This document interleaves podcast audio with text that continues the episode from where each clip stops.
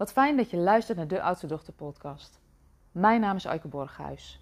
En de kans is groot dat als je naar deze podcast luistert, je een oudste dochter bent. Net als ik. En in mijn bedrijf werk ik met oudste dochters op leiderschapsposities en ervaren ondernemers. Het zijn vaak vrouwen op de eindposities die veel verantwoordelijkheid dragen en dat ook goed kunnen. En waar ik het in deze podcast graag met je over wil hebben, is over de steun van een groep. Want stel jezelf maar eens de vraag: hoe pak jij de samenwerking aan? Ben je geneigd om samen te werken? Kun jij je ook laten helpen?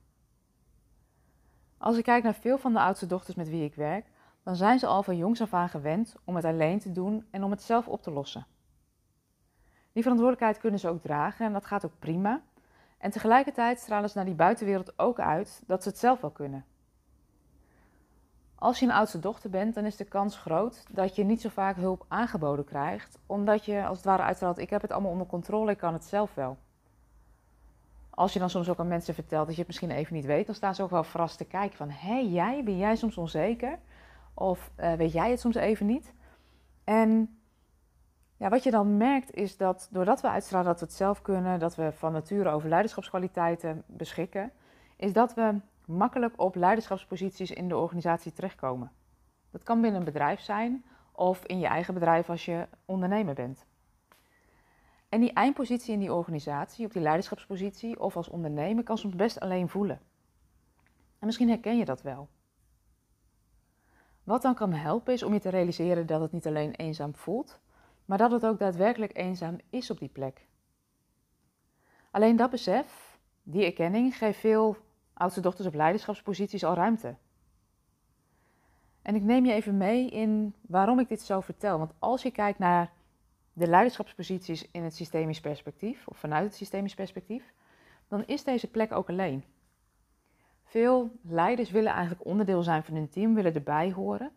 Maar in de ordening van het organisatiesysteem heb je nu eenmaal een andere plek dan je MT-leden. Heb je een andere plek dan je team. En je kunt absoluut samenwerken en de lijnen uitzetten. Maar als het er uiteindelijk op aankomt, maar als het er uiteindelijk op aankomt, dan ben jij degene die de knoop doorhoudt, die je besluit neemt. En dit geldt ook voor ondernemers met een team. De samenwerking met een team kan je werk zoveel lichter en fijner maken. Maar ook daarin ben jij uiteindelijk degene die de verantwoordelijkheid draagt, die soms lastige besluiten moet nemen. Als het erop aankomt, sta je alleen op die leiderschapsposities. Dit erkennen geeft vaak al rust. Want het gevoel dat je misschien onbewust wel hebt of misschien wel ervaart, van ik heb het gevoel dat ik nergens echt bij hoor, dat klopt. Het is dus niet zo gek dat je je alleen of eenzaam voelt. Tegelijkertijd is ieder mens ook gemaakt voor verbinding. Bij een groep horen is een overlevingsmechanisme. Als je vroeger niet bij de groep hoorde, dan overleefde je het niet. En ook als klein meisje heb je al jong geleerd wat je moet doen om erbij te horen. Je beschikt als het ware over een soort interne antenne, die is afgesteld op wat je wel en niet moet doen om bij de groep te horen.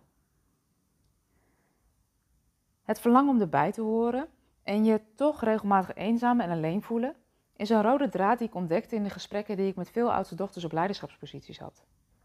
Ze zeiden allemaal los van elkaar: Ik neem de verantwoordelijkheid op me, dat kan ik ook goed, en toch voelt het ook best wel eens alleen. En als ik hen vertel dat dat dus logisch is dat dat klopt vanuit het systemisch perspectief, dat je er ook niet helemaal bij hoort in de context waar je deel van uitmaakt, dan geeft het rust. Want je gevoel klopt dus. In het organisatiesysteem heb je als leider nu eenmaal een andere plek. Het is een solistische plek, dus je hoort nergens echt helemaal bij. En toen ik dit zo los in al die gesprekken van elkaar ontdekte, toen kwam de vraag in me op: hoe zou het zijn om een andere plek te hebben waar je er wel helemaal bij hoort? En dit was voor mij de aanleiding in 2019 om de jaargroepen te gaan ontwikkelen, om gelijkgestemde vrouwen bij elkaar te brengen. In een kleine groep van maximaal 8 tot 10 vrouwen ga je een jaar lang met elkaar op ontdekkingsreis.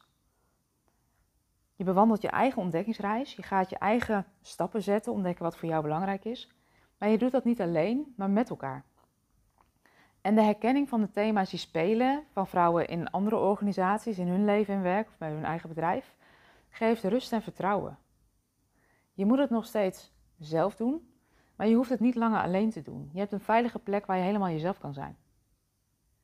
Wat de vrouwen die deelnemen aan de jaargroep ook aangeven, is dat ze zich minder alleen voelen.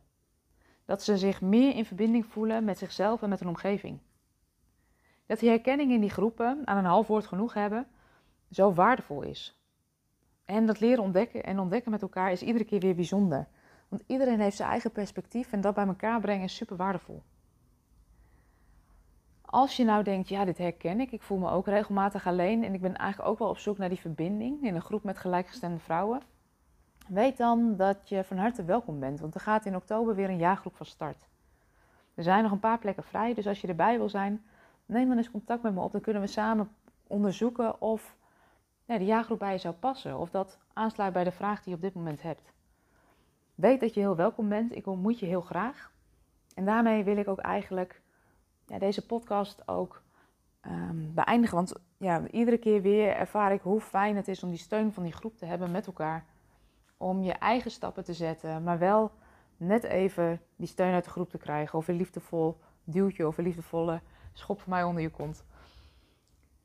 Weet dat je welkom bent. Ik ontmoet je graag. Ik wil je bedanken voor het luisteren naar deze podcast. Mocht je nou uh, iemand kennen voor wie deze podcast interessant is, dan zou je me enorm helpen door hem te delen, want zo kunnen we nog meer oudste dochters bereiken. En ja, abonneer je ook op, de, op deze podcast, want dan krijg je weer een berichtje als er een nieuwe aflevering online staat. Voor nu wens ik je een hele fijne dag en weet, je moet het zelf doen, je hoeft het niet alleen te doen.